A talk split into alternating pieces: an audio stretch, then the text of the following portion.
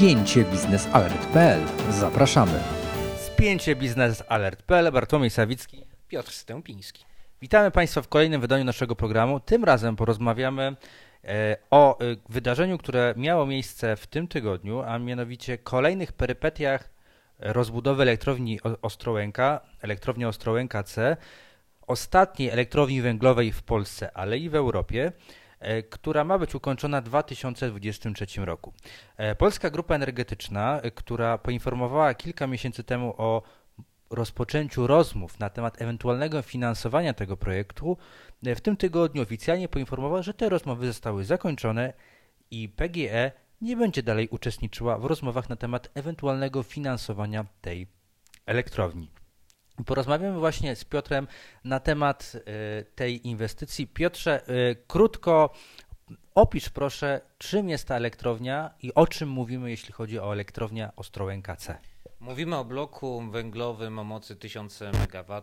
Tę inwestycję realizują dwa czołowe polskie koncerny energetyczne, czyli Enea i e, Energa, a odpowiedzialnym za budowę jest konsorcjum GE Power oraz Alstom. No i ta inwestycja powstaje na północy Mazowsza, w Ostrołęce, gdzie już znajdują się dwa, dwa, bloki, dwa bloki węglowe. No i tak jak wspomniałeś, fakt, e, że PGE wycofało się z tej inwestycji, może dawać pewnego rodzaju sugestie dotyczącą ewentualnego opła ewentualnej opłacalności tego projektu, który zresztą został wielokrotnie zapowiadany jako ostatni projekt, nowy projekt elektrowni węglowej E, w Polsce. PGE podkreśliło, że chce się skupić przede wszystkim na realizacji własnych projektów infrastrukturalnych, budowy własnych e, mocy wytwórczych, w których próżno szukać inwestycji związanych z nowymi blokami węglowymi, ponieważ ta spółka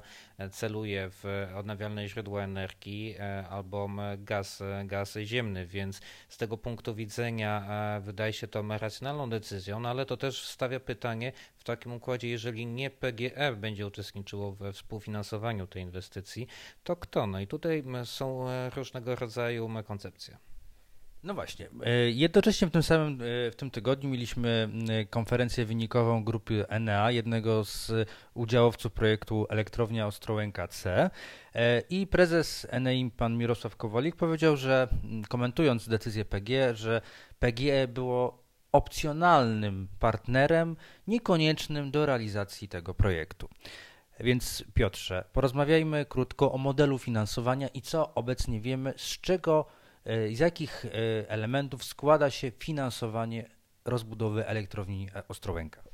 Inżynieria finansowania elektrowni Ostrołęka C jest, tak jak wspomniałem, nie do końca jasna, ponieważ oficjalnie wiemy, że ten projekt zainwestuje Enea, i Energa. I o ile Enea zgodziła się, że e, od stycznia 2021 roku do momentu zakończenia budowy, czyli 2023 roku, przeznaczy na ten projekt 819 milionów złotych. Z kolei Gdańska Energa w tym przedziale od 2019 do 2020, do końca 2020 roku e, co najmniej 819 milionów, czyli zaokrąglimy, mamy dwa razy po um, 800 milionów mniej więcej, czyli łącznie miliard, miliard 600. Dodatkowo e, elektrownia Ostrołęka C wystartowała w jednej z aukcji na rynku mocy i e, wygrała 15-letni kontrakt, na mocy którego otrzyma około 2,6 miliarda E, złotych. Więc w tym momencie mówimy o kwocie 1,6, tylko o 4, 4 miliardów. No i dodatkowo jednym z opcji jest e,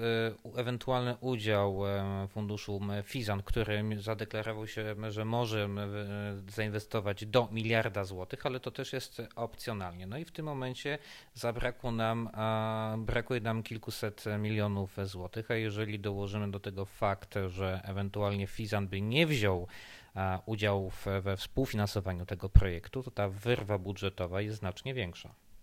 Finansowanie poprzez wspomniany przez Ciebie Fizan także wydaje się bardzo wątpliwe w kontekście decyzji PGE z tego tygodnia. E, mówimy o brakującej e, sumie w wysokości około 1 miliarda, ponad 1 miliarda złotych. Wiadomym jest, że żaden bank w Europie nie pożyczy spółką w Polsce na budowę nowych e, elektrowni węglowych, bo banki w Europie wycofują się już z finansowania inwestycji węglowych. Ba, także i polskie banki z udziałem Skarbu Państwa także już sceptycznie patrzą na te inwestycje, ponieważ także i one liczą koszt emisji CO2, które, y, których koszt będzie y, znacząco rosnął. Prawdopodobnie, tak wskazują szacunki, w najbliższych latach, wówczas, kiedy ta inwestycja będzie finalizowana. Pytanie w takim razie, kto e, po, może pożyczyć brakujący miliard złotych i na jakich warunkach dla polskich spółek na realizowanie tej inwestycji? Tak jak wspomniałeś, trend, jeżeli chodzi o kierunki finansowania instytucji finansowych poszczególnych projektów energetycznych jest jasny. Jest dekarbonizacja nie tylko gospodarki, ale dekarbonizacja finansowania i banki, to co interesuje każdą instytucję finansową, banki czy jakąkolwiek inną instytucję, to zwrot z kapitału. Przy inwestycjach w nowe bloki węglowe, które są obarczone dużym ryzykiem, głównie ze względu na E, rosnące ambicje polityki klimatyczno-energetycznej Unii Europejskiej, która właśnie zmierza do e, wyeliminowania węgla z gospodarki oraz, a tym samym e, z energetyki, powoduje, że te inwestycje węglowe są coraz mniej opłacalne, więc banki wolą akumulować kapitał w innego rodzaju inwestycjach. No jeżeli nie mówimy o bankach europejskich, to pewną sugestię dał właśnie wspomniany przez Ciebie prezes Enei Mirosław Kowalik, który nie wykluczył, że ewentualny udział w tej e, inwestycji mogłyby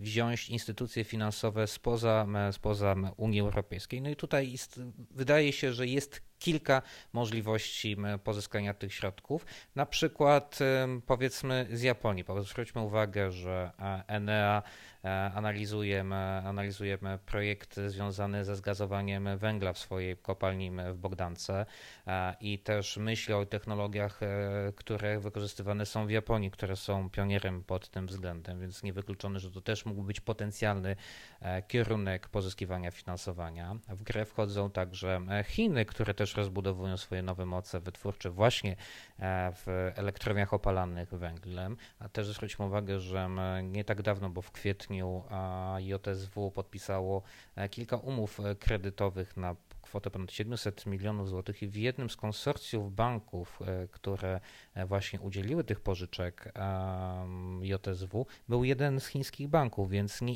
istnieje prawdopodobieństwo, że ewentualnie chiński bank, któryś z chińskich banków mógłby się zainteresować tą e, inwestycją, ale cały czas przedstawiciele inwestorów przekonują, że poszukują tego finansowania, ale czy go ostatecznie znajdą?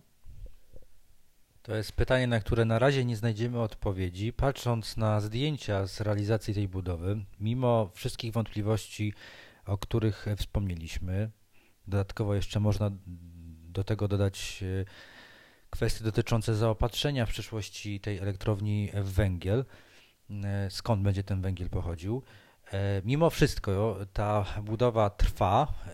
Można to zresztą obserwować mm, na zdjęciach lokalnych portali informacyjnych.